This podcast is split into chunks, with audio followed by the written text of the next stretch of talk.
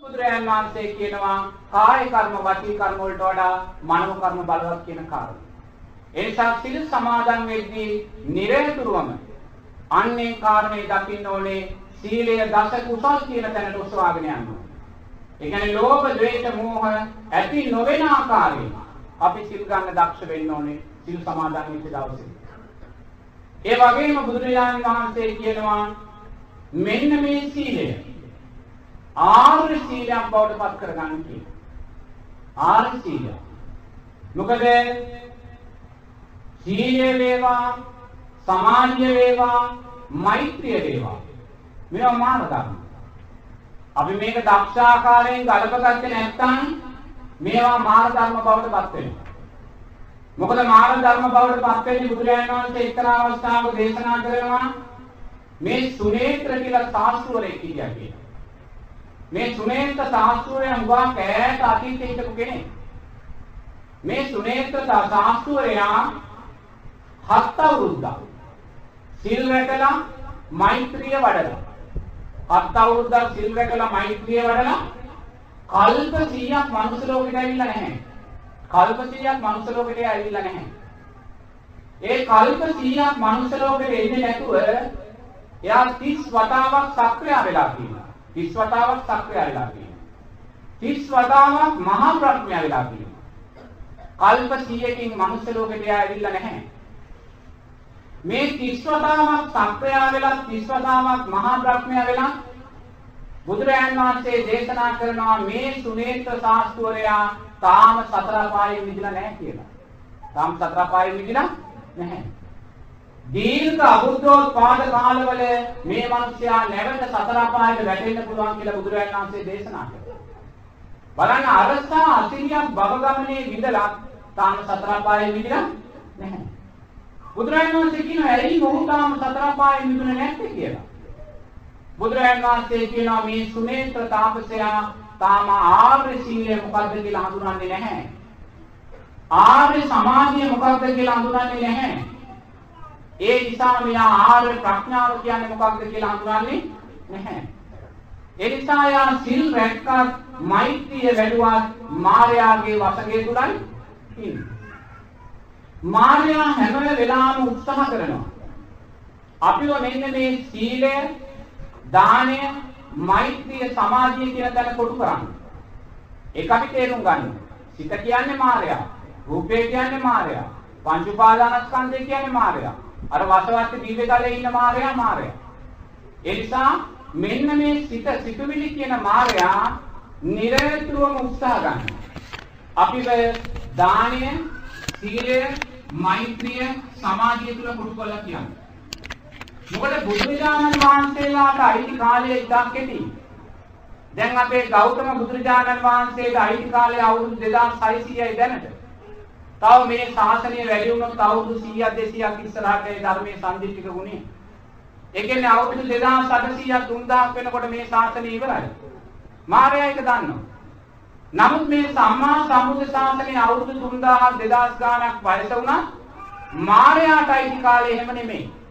මාර්යාගේ කාලය ගයින්නේ අවුරුදු ලක්ෂ වලින් කල්ප වලින් මේ බුද්ධෝත්පාද කාල අතුරුදහන් වුණාට පස්සේ සකස් වෙන්නේ මාර්යාටයි ලෝකය. ඒ මාර්යාටයි ලෝකය නැවත මෛත්‍රී බුදුරජාණන් වහන්සේ ලෝකෙ පහළ වෙනකම් මේ ලෝකයයි මාර්යාට දුකට අවුරුදු ලක්ෂ ගාණක් මාර්යාට තියෙනවා. ඒ නිසා මාර්යා දන්නවා මේ ශාසනයේ සම්දිත්තිකව තියෙන වෙලාවේ මේ බෞද්ධයා දානය තුලත් සීලය තුලත් සමාධිය තුලත් මෛත්‍රිය තුලත් කොටු කරලා කියන්නේ. කොටු කරලා කියන්නේ ආස්වාදයට කොටු කරලා කියනවා විදර්ශනාවට යන්න දෙන්නේ නැහැ. මේ දානයේ සීලේ මෛත්‍රියේ සමාධිය ආස්වාදයට කොටු වුණාට පස්සේ අපි ප්‍රාර්ථනා කරන්නේ භවය. භවය කියන්නේ සුගතිය. අර සුනේත්‍ර තාපසයා වගේ. අපි පින් කර කර දන් දෙමින් සිල් රැකමින් සමාධිය වඩමින් මෛත්‍රිය වඩමින් අපි ප්‍රාර්ථනා කරන්නේ මොකද්ද? නැවත මිනිස්සෙක් වේවා. නැවත දෙවියෙක් වේවා.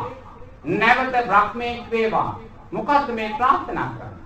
අනාගත පංච උපාදානස්කන්ධයක් ප්‍රාර්ථනා කරනවා. අනාගත රූපයක් ප්‍රාර්ථනා කරනවා.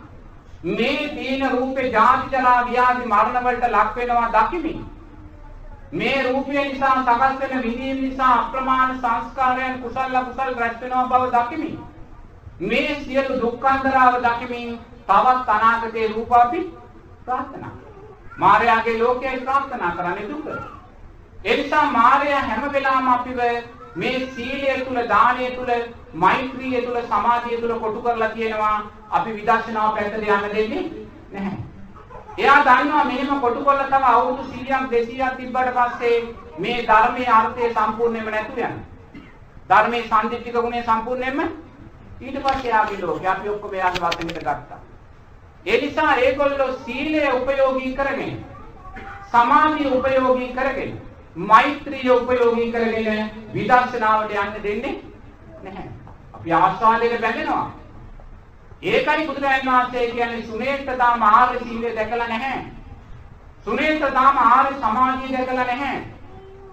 ඒ නිසා ඔබලා ඔබලාගේ සීලය ආර්ය සීලයක් බවට පත් කරගන්න දක්ෂ වෙන්න ඕනේ.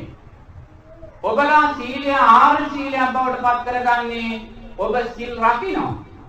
සිල් රැකලා සීලෙන් ලබන ආනිසංස ජීවිතයට ලබනවා. මොනවද සිල් රැක්කොත් ලබන ආනිසංස?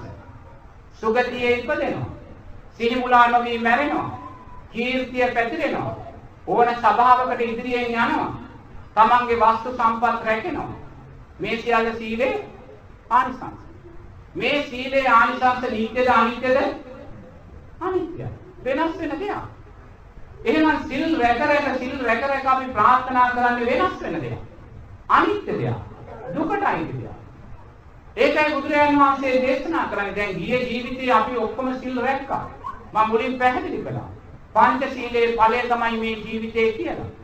දැන් පංචශීලයේ නිසා ලබාගත්තා වූ මේ ජීවිතේට දැන් මේ මොකද වෙලා තියෙන්නේ? වයසට යනවා, ලෙඩ යනවා, මරණයටපත් වෙනවා. ඒ කියන්නේ සීලෙන් ලැබූ ඵලය දැන් අනිත්‍යයි. අපි යම් හේකින් සතර අපායකට වැටුණොත් ගිය ජීවිතේ සීලෙන් අපි ප්‍රයෝජනයක් ගන්න වෙන්නේ නැහැ. ඒ නිසා බුදුරජාණන් වහන්සේ දේශනා කරනවා සිල් රකින්න. සීලේ ආනිසංස ජීවිතයට ලබන්න. ලබමින් ඒ ආනිසංසයන්ගේ අනිත්‍යභාවය දකින්න. ඒ ආනිසංසයන්ගේ අනිත්‍යභාවය දකින්න. සුගතියේ උපතක් කියන කාරණය හිතනකොට මේ සුගතියේ උපතේ අනිත්‍යභාවය දකින්න. සිල් රකිමින් නැවත භවයන් ප්‍රාර්ථනා කරන්න එපා. ඒ ආස්වාදයට රැවටෙන්න එපා. ඒ ආස්වාදයට බැඳෙන්න එපා. සිල් රැකලා ආදීන වෙල ජීවිතයට ලබලා ඒකේ අනිත්‍යභාවය දකිමින් ඉන්න. අන්න එයා භවයට බැඳෙන්නේ නැහැ. එයා අනාගතයේ දෙවියෙක් වේවා, මිනිසෙක් වේවා, බ්‍රහ්මෙක් වේවා කියලා ජාති ජරා ව්‍යාධි මරණ වලට රූප පත් වෙන රූපය ප්‍රාර්ථනා කරන්නේ නැහැ. වෙනස් වෙන විදීමයා ප්‍රාර්ථනා කරන්නේ නැහැ. අනිත්‍ය වෙන සංස්කාරය ඒකට ප්‍රාර්ථනා කරන්නේ නැහැ. එයා දන්නවා මේ දේ අනිත්‍යයි කියන කාරණය. දැන් මෛත්‍රිය වැඩිමොත් ආනිසංස 11ක් ලැබෙනවා. සුවසේ නිින්ද යනවා, සුවසේ පිපිදෙනවා, නපුරු හීන දකින්නේ නැහැ, මිනිස්සෙන්ට දෙවියන්ට ප්‍රිය වෙනවා, ශරීරය ප්‍රසන්න වෙනවා, සුගතියේ උපදිනවා, සීමුලා නොමි මැරෙනවා. මේ ආනිසංස සියල්ලම නිත්‍යද අනිත්‍යද? කොච්චර මූණ ලස්සන වුණත් ওই ලස්සන අපිට තියනවාද? වෙනස් වෙන දේවල්. එහෙනම් මූණ ලස්සන වෙන්න කියලා මෛත්‍රිය වැඩිව කියන්නේ පුතේ අපි වඩලා තියෙන දුක උදෙසා. නේද? එතන මෛත්‍රිය වඩන්න එතකොට ලස්සන වෙන දේ ලස්සන වෙයි. අන්නේ ලස්සන අනිත්‍යභාවය දකින්න. විදර්ශනාවට දකින්න. ආර්ය මෛත්‍රියක් බවට පත් කරගන්න. එහෙම නැතුව මෙතන ඉන්න හැමෝම අතීතයේ මෛත්‍රී ධ්‍යාන වඩලා එර්තියෙන් ගිහිල්ලා තියෙනවා. ඔබලා සියලු දෙනාම මෛත්‍රී ධ්‍යාන වඩලා එර්තියෙන් ගිහිල්ලා තියෙනවා. නමුත් එරදියෙන් ගියත් අපි මේ මොහොතේ ආයිමත් මෛත්‍රී වඩන්නේ කොහොමද කියලා හොයනවා. එහෙනම් වැඩක් වෙලා නැහැ. ඒ නිසා මෛත්‍රිය වඩන්න. ආනිසංස ජීවිතයට ලබන්න. ඒ ආනිසංසයෙන්ගේ අනිත්‍යභාවය දකින්න. අන්න ආර්ය මෛත්‍රිය. ඒ නිසා සිල් රකින්න කෙනා පංචශීලය ආරක්ෂා කරන්න. ඒ පංචශීලයේ දස කුසල් කියන තැනට ඔසවලා තබන්න ලෝභ ද්වේෂ මොහ තීන වෙන දිශාවට ඊට පස්සේ ඒ සීලේ ආනිසංස අනිත්‍ය බව දකිමින් ඒක ආර්ය සීලයක් බවට පත් කරගන්න. අනෙතර තමයි සීලේ දක්ෂභාවය. තේරුණා? ඒතර තුන්වෙනි කාරණේ මම ප්‍රකාශ කළේ දානෙ. අපි නිරතුරුවම දන් දෙන්න ඕනේ. බුදුරජාණන් වහන්සේ කියනවා චිත්තාලංකාරං චිත්ත පරිස්කාරං දානං දෙති කියලා. සිතට අලංකාරයක් උදෙසා දන් දෙන්න. සිතට පරිස්කාරයක් උදෙසා දන් දෙන්න. අපි දන් දෙමින් මොකද්ද හැම වෙලාවෙම ප්‍රාර්ථනා කරන්නේ? සුගතියේ උපතක් ලැබේවා ආයුෂ වර්ණයෙන් සැපේ බලය ලැබේවා කියලා. නම් බුදුරජාණන් වහන්සේ දේශනා කරන්නේ සිතේ අලංකාරය උදෙසා. සිතට පරිස්කාරයක් උදෙසා දන් දෙන්න. මොන සිතටද? සමත විදර්ශනා සිතට. සමත විදර්ශනා සිත කියන්නේ මොකක්ද? මේ රූපය අනිත්‍යයි කියලා දැක්කා වූ සිත. මේ විඳීම අනිත්‍යයි කියලා දැක්කා වූ හිත. මේ පංච උපාදානස්කන්ධය අනිත්‍යයි කියලා දැක්කා වූ හිත ශක්තිමත් කරගන්න දන් දෙන්න. අන්න දානේ සැබෑ අර්ථය. ඒක තමයි සැබෑ අර්ථය. එහෙම නැතුව අපි දන් දෙමින් සුගතිය ප්‍රාර්ථනා කළොත් අපි ඒ ප්‍රාර්ථනා කරන්නේ දුක.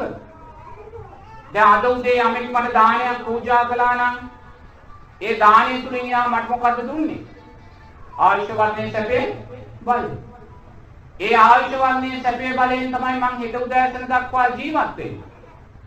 යම් මේකින් මට අද උදේ ආයුෂ ආහාරයක් නොලැබුණා නම් මං හිත උදේ දක්වා ආයුෂ වර්ණයේ සැපේ බලයෙන් පිළිහෙනවා.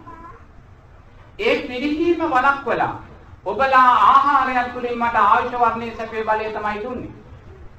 ඔබලා ශ්‍රද්ධාවෙන් මට ආයුෂ වර්ණයේ සැපේ බලය දෙද්දී මං මොකද්ද කරන්නේ? ඒ ශ්‍රද්ධාවෙන් පූජා කළා වූ ආයුෂ වර්ණයේ සැපේ බලය උපයෝගී කරගෙන ආරෂ්ඨාංගික මාර්ගය තුල ගමන් කරලා චතුරාර්ය සත්‍ය ධර්මයන් අවබෝධ කරගන්න දිශාවට ප්‍රඥාව වඩවා ගැනීම මගේ යුතුකම. දැන් අවසානයේ මෙතන මම වඩවා ගන්නේ මොකද්ද? ප්‍රඥාව. දැන් ආහාරය තුල ප්‍රඥාව තිබුණාද? නැහැ. ආහාරය තුල තිබෙන ආයුෂ වර්ණයේ සැපේ බලය. ආයුෂ වර්ණයේ සැපේ බලය උපයෝගී කරගෙනයි ප්‍රඥාව මං වඩාගන්නේ. තේරුණාද? ඒක තමයි ආයුෂ වර්ණයේ සැපේ බලයට දාණයට දෙන සැපෑ වටිනාකම. අපි නිරේතුරුවම දන් දෙමින් ඒ දානීය ආනිසංස ජීවිතයට ගන්න. මොනවද ආනිසංස? ආයුෂ වර්ණයේ සැපේ බලය. අන්නේ ආයුෂ වර්ණයේ සැපේ බලය විදර්ශනා නුවණ උදෙසා යොදා ගන්න. ඒක තමයි දානයට දෙන්නා වූ සැබෑ ආර්ය දානයක් බවට පත් වෙන්නේ. ඒකයිපත් වෙන්නේ. නිරේතුරුවම තෘෂ්ණාව ශේකරේ උදෙසා දන් දෙන්න. චතුරාර්ය සත්‍යයේ මුල්ම ආර්ය සත්‍ය දුකයි. ජාති ජරා ව්‍යාධි මරණ ශෝක පරිදේව දුක්ඛ දෝමනස්ස පංච උපාදානස්කන්ධයේ දුක ප්‍රියංගෙන් වෙන්වීම අප්‍රියන්නා එක්වීම. එතකොට මේ දුක සකස් වෙන්නේ මොකක් නිසාද? තෘෂ්ණාව නිසා. තෘෂ්ණාව නිසායි දුක සකස් වෙන්නේ. එහෙනම් අපි දන් දෙන්න ඕනේ. තෘෂ්ණාව ශේ කර ගැනීම උදෙසා. අපි දන් දෙමින් අපි තෘෂ්ණාවක් වඩනවා නම් එහෙනම් අපි දුක උදෙසායි දන් දීලා තියෙන්නේ. මහන්සි වෙලා සල්ලි හම්බ කරලා ඔක්කොම කුද කරලා අවසානයේ දුක උදෙසා දන් දීලා තියෙනවා. තෘෂ්ණාව අඩු කරගෙන නැහැ.